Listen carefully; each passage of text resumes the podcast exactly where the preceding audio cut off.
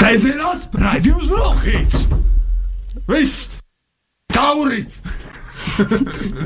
Ir viss tauri ar bronhītu. Tāpatās no manis nekas jēdzīgs nesanāca šodien. Esiet sveicināti, radio un abi klausītāji.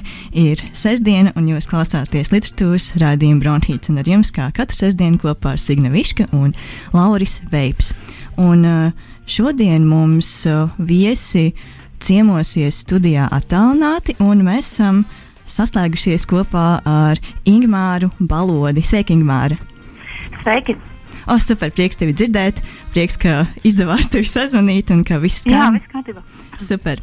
Un, jā, Ingūrai tikko, tikko ir iznācis dzējoļu krājums, dzējoļi pēc mūsu ēras, ko laidusi klajā izdevniecība Neputns.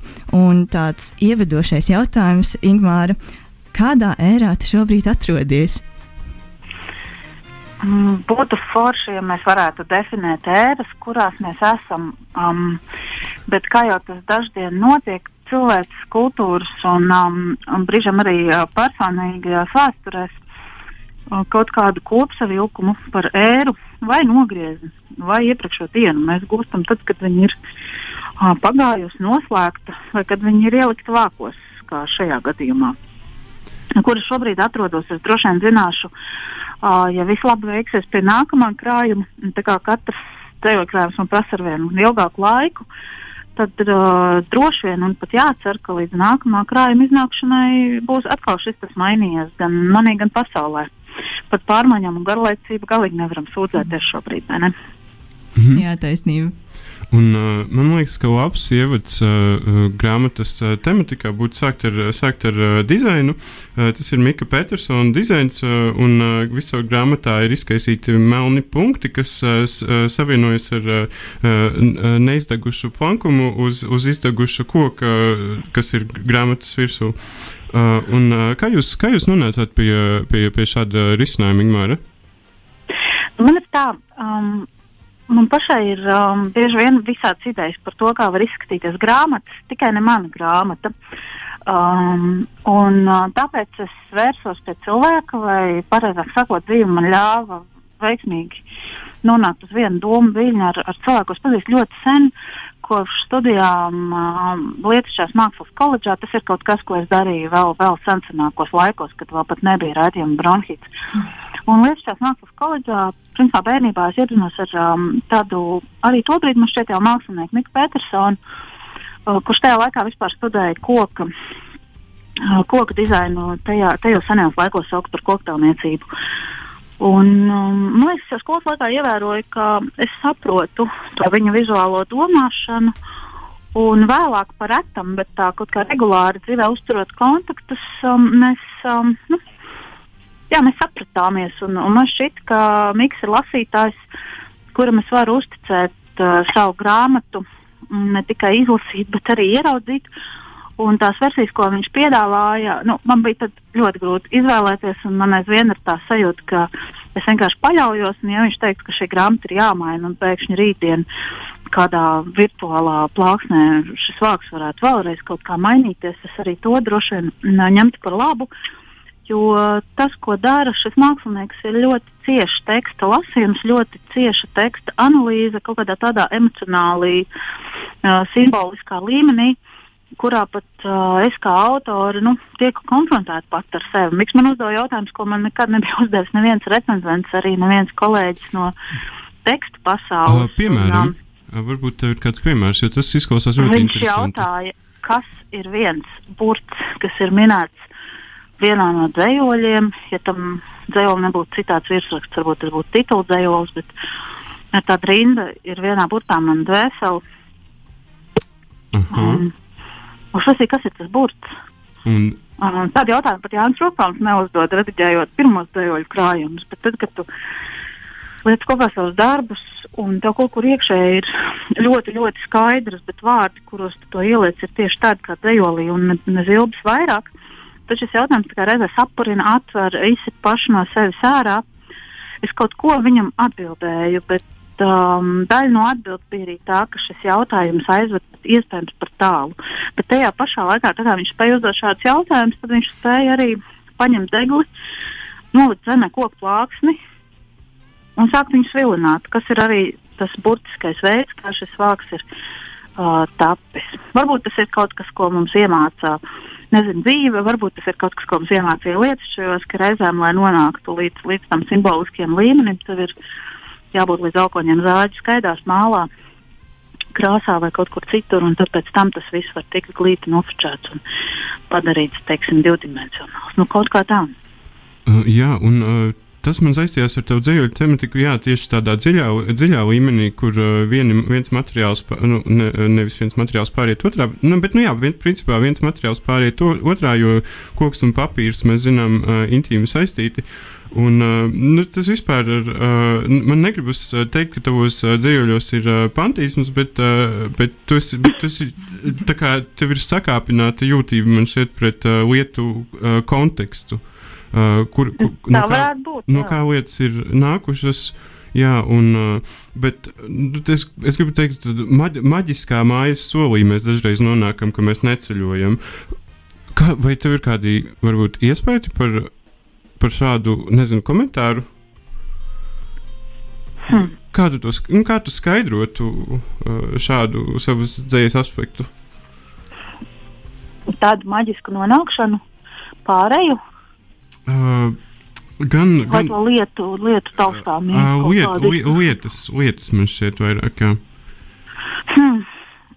Man šķiet, ka jā, ir, ir, ir tiešām tas, tas arī, arī, arī ir grūts jautājums. Um, Jo ieraudzīt pašam sevi ir daudz grūtāk. Es noteikti varētu ieraudzīt, kas man te uz galda, teiksim, Ivars Steinbergs jaunākais krājums, ka mūsu grāmatas iznāca aptuveni vienā, vienā brīdī apgādā neputnes. Tur man būtu viegli pateikt, kā man kas šķiet. Savā dzējā tas ir grūtāk, bet um, tā kā es pieķēros tai, tai koka tēmai, vai, vai vāks ļauj man atgriezties pie koka tēmas. Nu, man šķiet, ka mums jau nav tādu iepriekš dotu metaforu. Uh, mums ir tā realitāte, kurā mēs piedzimstam, un tad mājas, kam kura ir kā, uztverīgāka vai, vai, vai, vai pieņemošāka, kuras ļauj mums kaut kādā veidā pēc tam abstrahēt un metaforizēt šo realitāti. Jo reizēm atstāstīt viņu tiešos vārdos varbūt nebūtu ne jēgas, ne vajadzības, bet reiz lietas, reizēm tiešām visparstākās lietas, jā, visparstākie koki. Um, mēdz kaut kā nonākt dziļāk manā apziņā nekā vienkārši koka attēls uz tādu vai citādu uh, dabas ainavas fona, tad es tam ļauju arī notikt uh, teksta līmenī. Man tā ir vieglāk tikt līdzi uh, tam kokam, kurš ar mani notiek. Jā, un uh, paldies tev.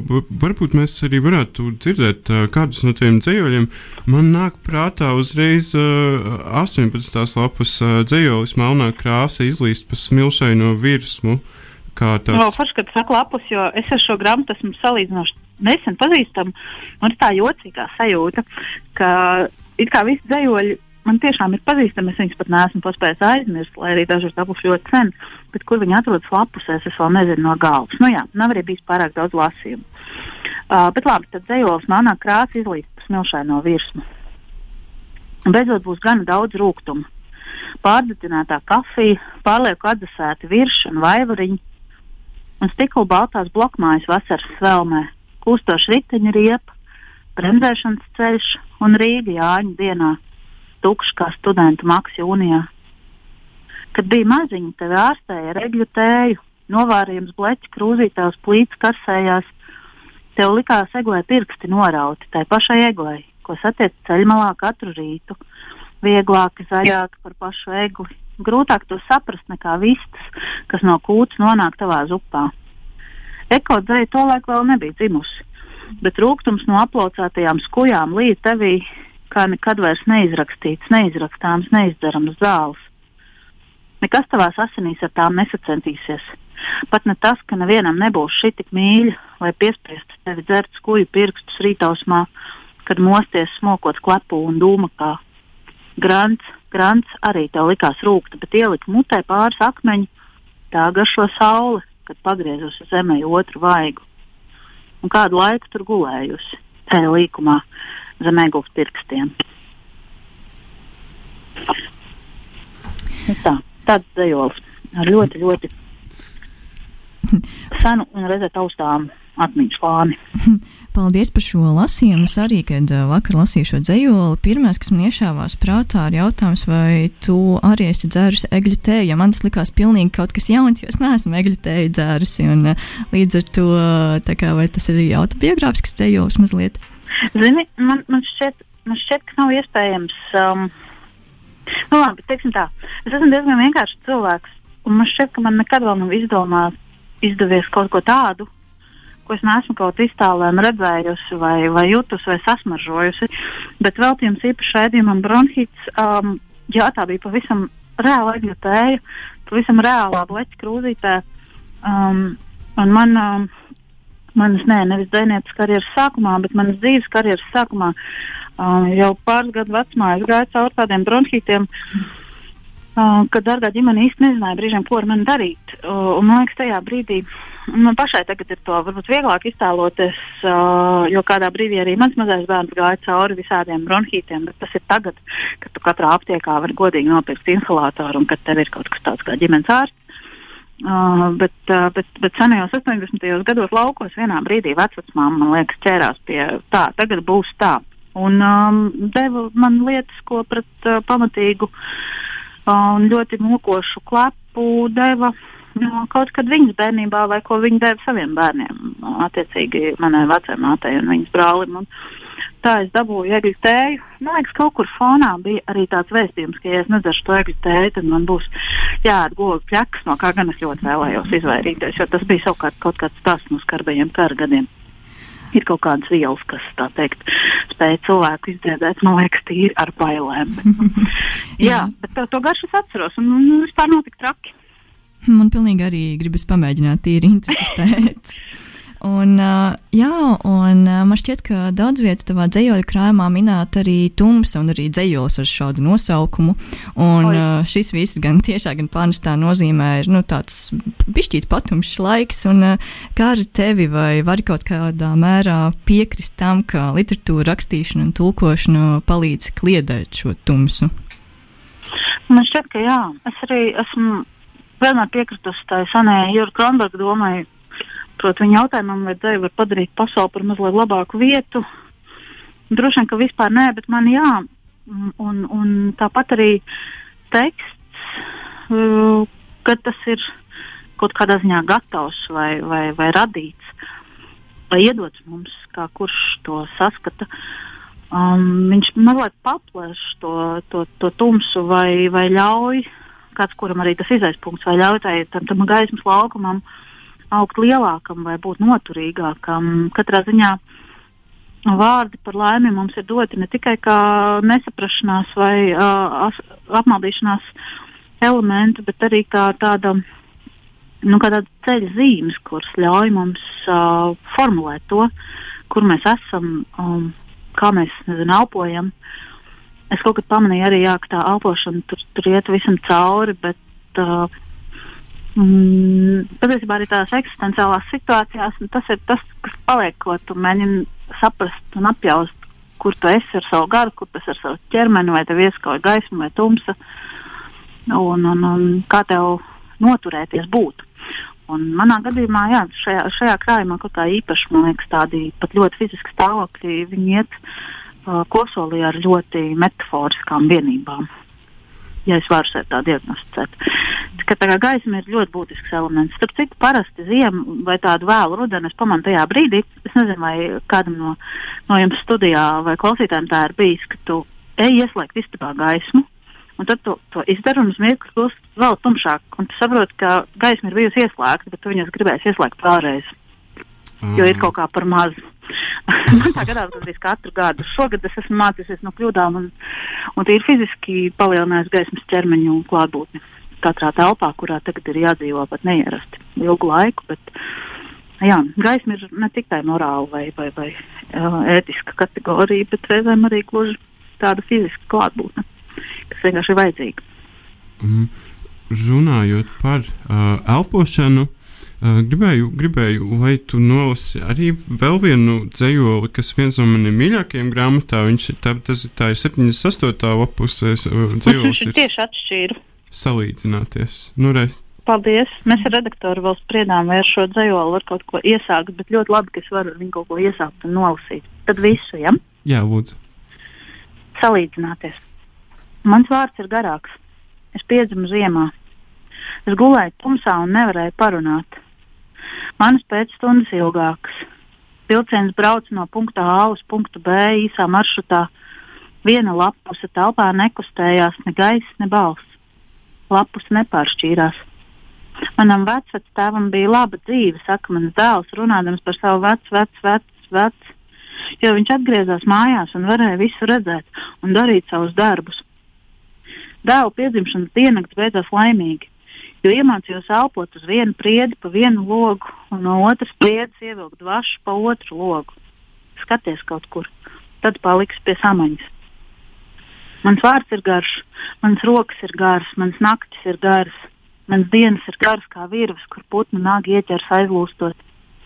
Mieres ir tuvu sabrukumam, sirds tuvu ilgām, tomēr, tomēr cauri laikiem, cauri mūžiem staro viņš. Es iekožos tavā slaikajā, kā tilts rokā un kliedzu. It kā tā būtu mana roka, it kā tas būtu mans vārds, ko plājas pārdalīja divās daļās. It kā man būtu misējies, it kā man būtu salas. It kā es visu nakti būtu gulējusi, turēdamās pie saviem pleciem, tā kā bāks turas naktīs pie reliņiem, aiz kuriem dreb zvirbūs. Nu, lūk, prieks, paldies, Laura, ka tieši, tieši šo dzējoli man tā iedeva man drosmi izlasīt. Jā, paldies par šo lasījumu. Man liekas, šī ir arī diezgan ekskluzīva iespēja, jo ir tā, ka bronhītā telefoniski parasti mums nav tādu dzējoļu priekšlasījumu, un visbiežāk tās tikai īsas intervijas, un šis arī ir tāds, kā būs vēsturiska liecība vēlākiem laikiem, un šāda veida ieraksti tiešām ir kaut kas īpašs. Un es domāju, ka mēs dosimies pirmajā muzikālajā pauzītē, ļausim arī tev bišķīt atpūsties no runāšanas, un uh, tad atgriezīsimies pēc dažām minūtēm un uh, parunāsim vēl par dzējoļiem pēc mūsu ēras, un arī palūksim nolasīt vēl kādu no dzējoļiem. Sarunāt. Sēžamās raidījums Brokhīts! Viss! Tauri! Ir viss tauri ar bronhītu. Tāpatās no manis nekas jēdzīgs nesanāca šodien. Un esam atpakaļ rādījumā, studijā, literatūras ēdījumā, bronhīts un turpinām sarunu ar dzēnieci un tulkotāju Ingmāru Balodi. Ingmāra, vai tu tur vēl esi? Jā. Brīnišķīgi. Prieks, ka tu tur vēl esi. Uh, mēs, uh, tas, tas, tas nav jautājums, kur es uzdotu katram dziniekam vai katram literātam. Bet, bet gandrīz, nē, nē, nē, nē, gandrīz. Uh, Ingūna, kurš ir tavs mīļākais gada laiks un kāpēc? Hmm, nu, brīvlaiks droši vien. Es jau kaut kāds tāds gadu laiks, ko sauc brīvlaiks. Mm, tas, um, ir, tas ir skolotājiem, varbūt, un skolēniem. Ai, man šodien bija lekcijas līdz līdz pat gandrīz pat līdz iešanai ētrā, varbūt tāpēc tā ieskrējas. Hmm, tas brīvlaiks, uz mani neatiecas. Kas varētu būt? Es nezinu, man tomēr šķiet, ka, zini, um, nu, es, es tā uz, uz to pa, pa vieglo pa klausuli. Um, man šķiet, ka es uz šo jautājumu būtu varējis atbildēt uh, aptuveni otrā dzējoļa krājuma vidū, jo līdz ar trešo dzējoļa krājumu, nu, kaut kur procesā, um, es vēl pie tādas brīnišķīgas radošas parādības, kā mans bērns. Līdz ar šo radošo parādību es iemācījos um, vienu būtisku eksistenciālu lietu, pat tagad to droši vien sauc par life hacku, proti, ģērbties atbilstoši laikapstākļiem. Jo šis cilvēks, atšķirībā no dzēniekiem, nebija noturams četrās sienās, un um, mēs diezgan daudz laika kopš, kopš paša sākuma pavadījām kaut kur klīstot apkārt, pēkšņi es sapratu, ka pat vēls rudens var būt mans mīļākais gada laiks, ka agrā pavasarī ļoti labi var staigāt pa parku un um, garāku pastaigu laikā pat var kaut ko patulkot, ja gadījumā radošais elements aizmiega. Tas otrs radošais elements. Nu, nu, kā tagad es riskēju sakaitināt uh, brašos radionabu klausītājus, bet, ja uzsnigts sniegs, tad arī ziema būtu mans mīļākais gadu laiks. Man patīk uh, tādas tīras un noteiktas lietas. Um, man patīk skaidrs laiks. Um, un man ir diezgan, uh, uh, diezgan, diez, diezgan vienalga, vai, vai tas ir skaidrs laiks uh, jūlijā vidū vai skaidrs laiks janvārī un nav obligāti jāspīd saulē virsū. Tikai tā, lai tā sajūta, ka tu atver acis un var redzēt, ka tu atver muti un var elpot, un ka tev ir iespējams iet tam kaut kā cauri, varbūt neiestiegot tālāk par ceļgaliem dubļos. Kaut kā tā. Ainava kā tāda. Ja man atņemtu ainavu, tad tiešām būtu slikti. Tad man nebūtu vairs nekādu mīļāko gada laiku. Labi, ka Lauris pajautāja par gada laikiem, jo tad es uzreiz varu iesprāgties ar, ja tad es uzreiz varu iesprāgties ar uh, jautājumu, reizē lūgumu, vai tu lūdzu varētu nolasīt uh, dzējoli 15. lapusē maipuķītes, un man pēc tam būs jautājums par šo dzējoli. 15. Jā. Šī ir forša spēle, gan es, ka šķirot, es vēl pat nenojaušu. es vispār vai tu pazīsti Ingmārs Balots dzēju? Maipuķītes, o oh, jā. Labi, tas ir tāds pārdaugos teksts tā. Tad paspēja arī izsvērt telefonu rokām. Bet, uh, Klārijas vēloja pārdaugā. Nopirku maipaķītes. Lētākās jau bija nobirušas. Bet man kabatā tobrīd atradās viena monēta. Lūk, galds, kvadrātmetrs kafijai, datoram, korektūrai. Sen tulkots, aizmirsts grāmatas lapas. Nezinu, vai tā valoda maz vēl dzīva. Studentu mēģis no Polijas, plasmas podiņā uz palodzes 2,99 rakstīts. Maksā 1,99 arī labi. Krakova, es ar tevi runāju, bet tu sūti savu rītu putoto pienu un neklausies. Man arī ir sava mazā kafejnīca, man arī ir neļķis un citas ar degunu jūtams puķis, būtnes. Varbūt es esmu dzīva vēl valoda. Dzīvoklis, vienatnes atgriezums, gabaliņš telpas kur reizums sēžu, rakstu, skatos, kā sienā iedējot cenšas, puķu caurspīdīgās ēnas, trīcošie gurni, pleci, lieli. Paldies tev par šo lasījumu. Un, uh, mans jautājums būs ne gluži par maipaķītēm, bet drīzāk par telpu. Un, uh, man radās jautājums, kādai jābūt tavai rakstīšanas un vai tūkošanas telpai? Un vai šīs telpas uh, atšķiras? Nu, ne tieši fiziskā nozīmē, bet varbūt arī abstraktā. Jā, saprotu mm, ir kaut kādi vairāki lieli kopīgi punkti. Protams, tām ir jābūt diezgan gaišām un diezgan klusām. Um, es zinu, ka tas arī var izklausīties biedējoši.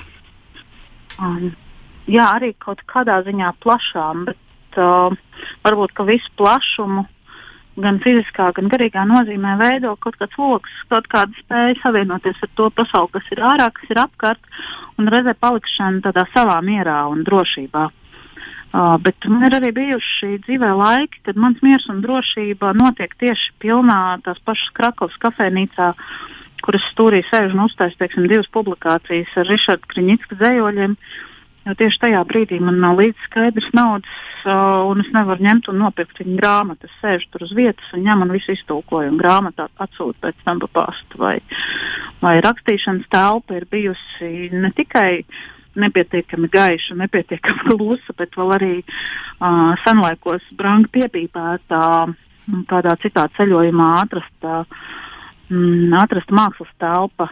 Um, tāda kafejnīcas mākslas telpas saplūšana, kur pēkšņi ir iespējams ļauties kaut kādai savai brīvībai. Bet, ja man mm, jebkuru no šiem procesiem gaitā ir ar kādu jārunā, vai, uh, vai es nedod jāatceras, ka varētu nomainīt aizskars, nomazgāt trauks un vispār kāds gaida pusdienas, nu, tad tas notiek tā diezgan lumpčīgi. Jo daudz reizes ieejot un iznākot no tās tulkošanas vai rakstīšanas telpas, rodas kaut kāds liekas troksnis, kas man izsist no, no ierīnas. Tagad es esmu diezgan piekasīgs un miera mīlošs cilvēks, uh, kurš visā pārējā laikā labprāt draudzētos, staigāt apkārt, tur pļāpāt ar citiem visus, kas tagad mums mazliet ir liekas. Jā. Ja saprotu, ka pēc vienas apraksta daļas varētu izklausīties, ka beidzot es dzīvoju savā ideālajā laikmetā, bet uh, neviens nevazājas apkārt un nenāk ciemos, bet tik traki arī nav. Tad šā, lai radītu, vajag kaut kādu brīdi rāmumu. Un, jā, tu jau pieminējies par Krakavu, un šajā dzīvoļu krājumā tu vedi lasītāju gan caur laikiem, gan caur dažādām vietām. Es gribēju pajautāt, lai tu mazliet pakomentē tulkošanas un ceļošanas sakarību. Hmm. Nu, tas ir kaut kāds telpas un valodas paplašinājums abu, abu savījums, kurš ir kā iedod, uh, iedod papildus vietu, papildus veidu, kā eksistēt. Um, es šausmīgi lēni tulkoju, atzījos, varbūt ne tik lēni, bet tur savukārt tas pēcapstrādes process un tā dabūšana līdz lasītājiem vai klausītājiem ir ilgāka. Uh, rakstus reti, bet tajā pašā laikā mm, tie teksti, kurus tagad var lasīt krājumā, Um, Pēc mūsu ēras daudz no tiem tiešām ir tapuši vai, vai nu atrodoties ceļā, vai kaut kādos galapunktos. Brīžiem ļoti apzinātos un jaušos, brīžiem nejaušākos, taču izņemt sev ārā no tās um, banāli sakot, ikdienas uh, vidas, nu, tiešām ir svarīgi. Mēs, mēs nu dienu ar to, ka baigi neatšķiramies ar to veidu, no cilvēkiem, kas varbūt to visu nepārvērš dzējā, bet vienkārši to izbauda. Taču tā nepieciešamība iedot sev iespēju mainīties, iedot sev iespēju pēkšņi sākt domāt. Es nezinu, kaut vai poļu valodā, vai iedot iespēju sēdēt vidē, kur tu nesaproti nevienu vārdu.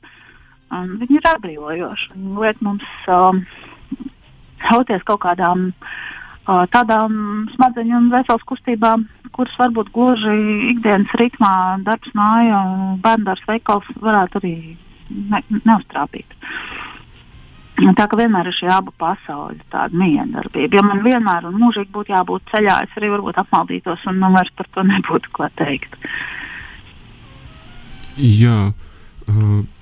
Paldies, paldies tev, un uh, cerams, ka, cer, cerams, ka arī grāmata nonāks, uh, izies, izies ceļu pie lasītāja. Uh, gribēju uh, tev arī uh, pajautāt, lēnām noslēdzot mūsu sarunu, pie kā, uh, pie kā tu tagad strādā, kas no tevis uh, kā, gaidāms arī uh, tūkošanas frontē? Aha, šis un tas ir tikko, tikko uzsācis ceļu caur tipogrāfijai kaut kad pirms, nu jau sanāk gandrīz diviem gadiem Punktum festivālā viesojās tāds poļu rakstnieks Marčins Vīha, uh, kur man savukārt vienkārši, kur grāmata man iekrita rokās, brīnišķīgā Varšavas grāmatu kafejnīcā. Uh, un um, viņam ir grāmata lietas, kuras es neizsviedu, kas ir grāmata par grāmatām, grāmata par uh, savu tuvāko saprāšanu caur grāmatām.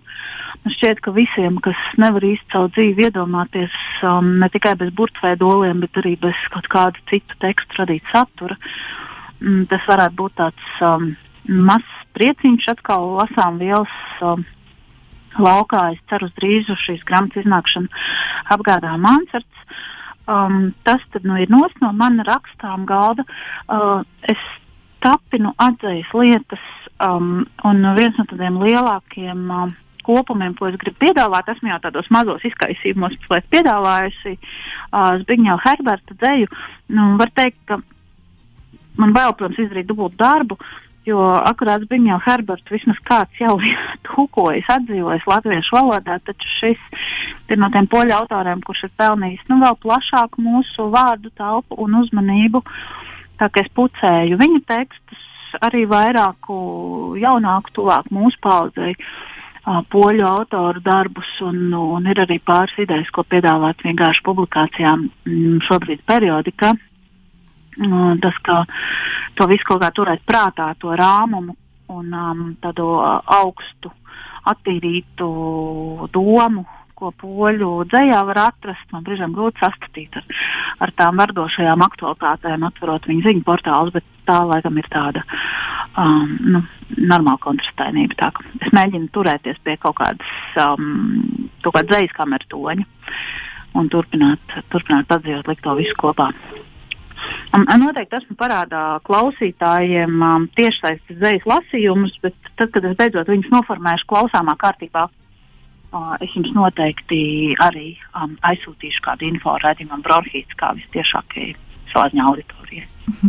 Lieliski, paldies! Un uh, noteikti gaidīsim tavus uh, jaunos tulkojumus, jaunos dzējoļus un uh, ierakstus. Un uh, tad, uh, tuvojoties mūsu sarunas izskaņai, es gribēju izmantot izdevību un uh, pajautāt, lai tu vēl nolasi vēl vienu dzējoli. Un, Nu, kurā lapasē? 44. Un es jau pasteidzos, un vakar ieliku tādu smuku Instagramīgu bildi Facebookā ar šo dzējoli, un tas ļoti, ļoti patika. un Tāpēc man ļoti gribētos dzirdēt to tavā lasījumā. Um, jā, mēs ejam. Mēs ejam divi tā un nesāp. Kāds mans draugs teica, pamazām nosiņojot apziņai, bet kokiem topot aizvien sarkanākiem.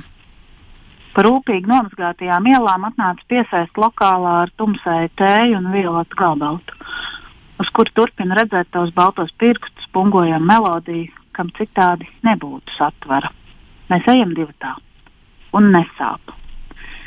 Uh, paldies par uh, dzējoļu parādīšanos un klātbūtni raidījumā Bronhīts un uh, jūsu možo lasījumu un uh, to piedāvā, piedāvāšanu lasītājiem arī šādā telefona formā. Ziniet, tā gandrīz sanāk tādi kā atsaukšanās uz klasiķiem, jo visi tie stāsti, kā Ojārs Vācietis zvana Belšvicē un lasa viņai pa telefonu priekšā dzējoļus, šajā mirklī es aptuveni sapratu, kā tas ir, ka tu ar vienu roku šķirs uz grāmatas lapas.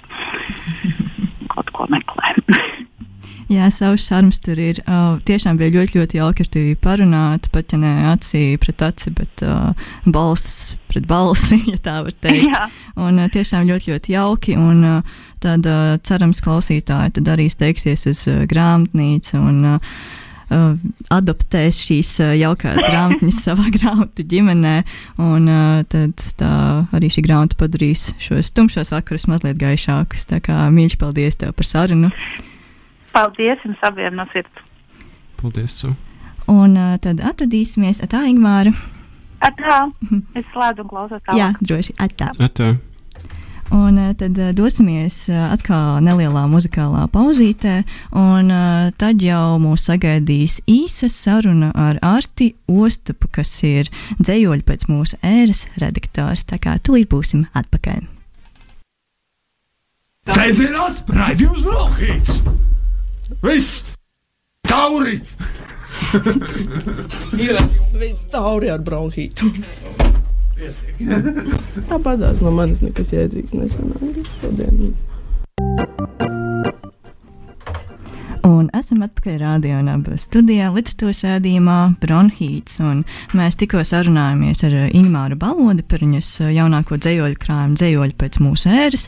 Un tagad mēs esam sazvanījuši dzējoļu krājuma redaktoru Arti Ostapu. Čau, Arti! Čau! Uh, pirma, pirmais, būtu, var, vai tu varētu ļoti vispārīgi raksturot, kā jūs sadarbojāties ar uh, Ingmāru pie šīs grāmatas? Uh, nu, mēs, mēs ļoti smagi strādājām, ļoti rūpīgi. Apskatījām katru rindu, katru vārdu. Un izskatījām kopumā arī kopumā ļoti daudz dzējoļu. Uh, viņai dzējoļi bija daudz vairāk nekā uh, pārējiem dzējniekiem, kurus es. Tā, tā, tā, tā darba bija diezgan daudz. Bet tā kā arī Ingūna pati ir pieredzējusi redaktori, tad uh, par spīti tekstu daudzumam mums uh, diezgan raiti gāja uz priekšu un um, kopumā ļoti produktīvi. Uh, jā, uh, es, es citēšu tevi no, no, no preses materiāliem. Uh, tu, tu, tu, tu raksti šādi: uh, Lasot jaunos dzējoļus, šķiet, ka autors, nu, proti, Ingūnas dzēja ir kļuvusi vēl tīrāka un precīzāka, uh, it kā turpinātu iesākt to ceļu uz patiesību. Uh, vai tu, kas, ir, kas ir Ingūnas balodas patiesība? Kā tu to raksturotu? Um, es domāju, ka viņ, viņas patiesība ir ļoti piesaistīta viņas pašas uh, dzīvei. Proti, viņas, lasot viņas dzēju, man nav tāda sajūta, ka ir kaut kā ir liela atšķirība starp to lirisko es un starp biogrāfisko es. Es domāju, viņa to, to, to atšķirību ļoti, ļoti samazinājusi šajā krājumā. Bet viņai tas bija raksturīgi arī iepriekš. Es domāju, ka viņa vienkārši ir attīstījusi vēl tālāk to, to savu rakstības manieru. No, bet uh, tad, mm, kas, kas tavuprāt, arī varētu būt vēl mainījies uh, salīdzinot ar albu? Um, es nezinu, grūts jautājums. neesmu, neesmu albu tagad uh, kādu laiku pārlasījis. Uh, nu, labi, tad, uh, tad neko, tad virzāmies, virzāmies tālāk. Uh, pirms, pirms gada tu, uh, tu biji uh, ciemos, mēs patiesībā bijām ciemos ar tevi un Ivaru, kā vēl viesu statusā, kur tu, kur tu raksturoji uh, savu darbību uh, kā uh, mešanos visām pudelēm par korķi. Jā, šo arī ļoti labi atceros. Tu esi labs, tu, tu, tu esi one-liner uh, cilvēks, ja? Bet, uh, tu esi tiešām ļoti daudz uh, reda, uh, krājumiem bijis, bijis redaktors. Par manu lūdzu nerunāt, tāpēc, ka tas būtu neētiski, bet, bet tad, tad tu esi tas cilvēks, kuram tiešām var, var jautāt, nu, kas notiek latviešu jaunākajā dzējā. nu, tas, nu, tas ir tāds ļoti globāls jautājums. Tagad man bija jāpadomā. Um, nu, es domāju, ka visus tos visus autors, kurus es rediģēju šogad, ka viņus vieno tāda kā um, tiekšanās uz vienkāršību, bet nevis uz prastumu, bet uz tādu, nu, tādu ļoti filigrānu vienkāršību. Um, man šķiet, ka tas, ka tas super sarežģītās poetikas laiks, ka viņš kaut kā nu, paiet šobrīd. Viņš lēnām beidzas. Un, kad, nu, kad drīzāk uh, cilvēki mēģina saprast, kā var rakstīt reizē labi un vienkārši. Mm -hmm. Un, uh, varbūt tas, varbūt tas Sīvaram ir mazāk raksturīgi, jo viņam ir tie dzējoļi garāki un, un detaļām piesātinātāki, bet, bet kopumā es, es teiktu, ka, ka tāda ir tā, tā virzība. Tas man šeit parādās arī ne, ne tikai tajos autoros, kurus es rediģēju, bet arī daudzos citos. Mm -hmm. Un uh, pie kā tu pats šobrīd strādā, ja drīkst vaicāt? Es šobrīd strādāju pie, pie, pie vairākām pudelēm. Mēģinu vairākas pudeles aiztaisīt. Es eh, nu, š, nu, šodien konkrēti es, strādāju pie sava raksta par, par Montes Kromas dzēju. Mm. Tā. uh, nu jā, par, par, par vienkāršības uh, uh, tendenci varbūt tev ir arī kaut kādas domas, kā to varētu skaidrot. Jo, uh, vai cilvēki ir vienkārši noguruši no sarežģītas dēļas, tavuprāt, vai? Nu, es nezinu. Es domāju, ka, es domāju, ka dzinieki arī viņi. Uh, varbūt šis neizklausīsies pareizi, bet es domāju, ka dzinieki arī bijuši nu, rēķina, kur, kādas nišas viņi var ieņemt. Nu, ja viņi skatās, ka, ka ir daudz tādas blīvas, sarežģītas, labas dzējas radītas, tad, tad kāpēc, kāpēc to darīt atkal? Darīt kaut ko citu. Es domāju, ka arī, es domāju, ka arī Kārļa Vērdiņa jaunais krājums arī ir piemērs šai, šai tendencei. Ka tāda tēlu izgudrošana, ex nihilo, ka viņa, nu, viņa tas paliek ar vien grūtāk un grūtāk. es to pats izjūtu arī, arī rakstot savus dzējos. Man liekas, ka tā atgriešanās pie vienkāršības mazliet uh, arī ir uh, redzama. Aizvakar, man liekas, iznāca uh, Satora mīlestības grāmata, un uh, relīzē arī bija rakstīts uh, par to, ka īpaši šobrīd, arī šī gada nogalē, ir kā jauki arī vienkārši runāt par mīlestību un bez varbūt tāda lieka patosa. Un, um, ja nemaldos, arī tev ir publikācija šajā mīlestības grāmatā. Um, ir jā. Un uh, arī tur tu atgriezies pie vienkāršās dzējas, jo es vēl neesmu lasījusi tev publikāciju šajā grāmatā. Nē, es iesniedzu ļoti sarežģītu dzēju. Es, es nespēju, es ne, man, man, man, man grūti sekot ir tendencēm. Es laikam rakstu kaut kā. Tu pats esi tendence. Nu, nu, pieņemsim, jā. Labi, Klau, man liekas, mēs uh, nemocīsim tevi tālāk. Uh, liels, liels paldies, ka ar mums uh, parunāji Arti, un uh, tad jau gaidīsim nākamās grāmatas ar Nākamās tavu piedalīšanu, piedalīšanos. Jā. Es tagad domāju, vai tas ir vīns, vai, vai, vai ka, kas ir tas, ko tu dari, nu, kas ir iekšā tajās pudelēs. Um, alus vai konjaks. Alus vai konjaks. ļoti labi. Uh, nu jā, tad uh, vēlreiz sakām to paldies un uh, jauku to šo sestdienas dienu. Labi, paldies, Attā! Labi, čau, čau. Čau, čau! Jā, tas bija Artis Ostaps, un jā, tā mēs nemanām esam pietuvojušies raidījuma izskaņai. Un, jā, atgādinu, ka mēs iesākām raidījumu ar sarunu ar Ingmāru Balodi par viņas dzējoļu krājumu dzējoļu pēc mūsu ēras.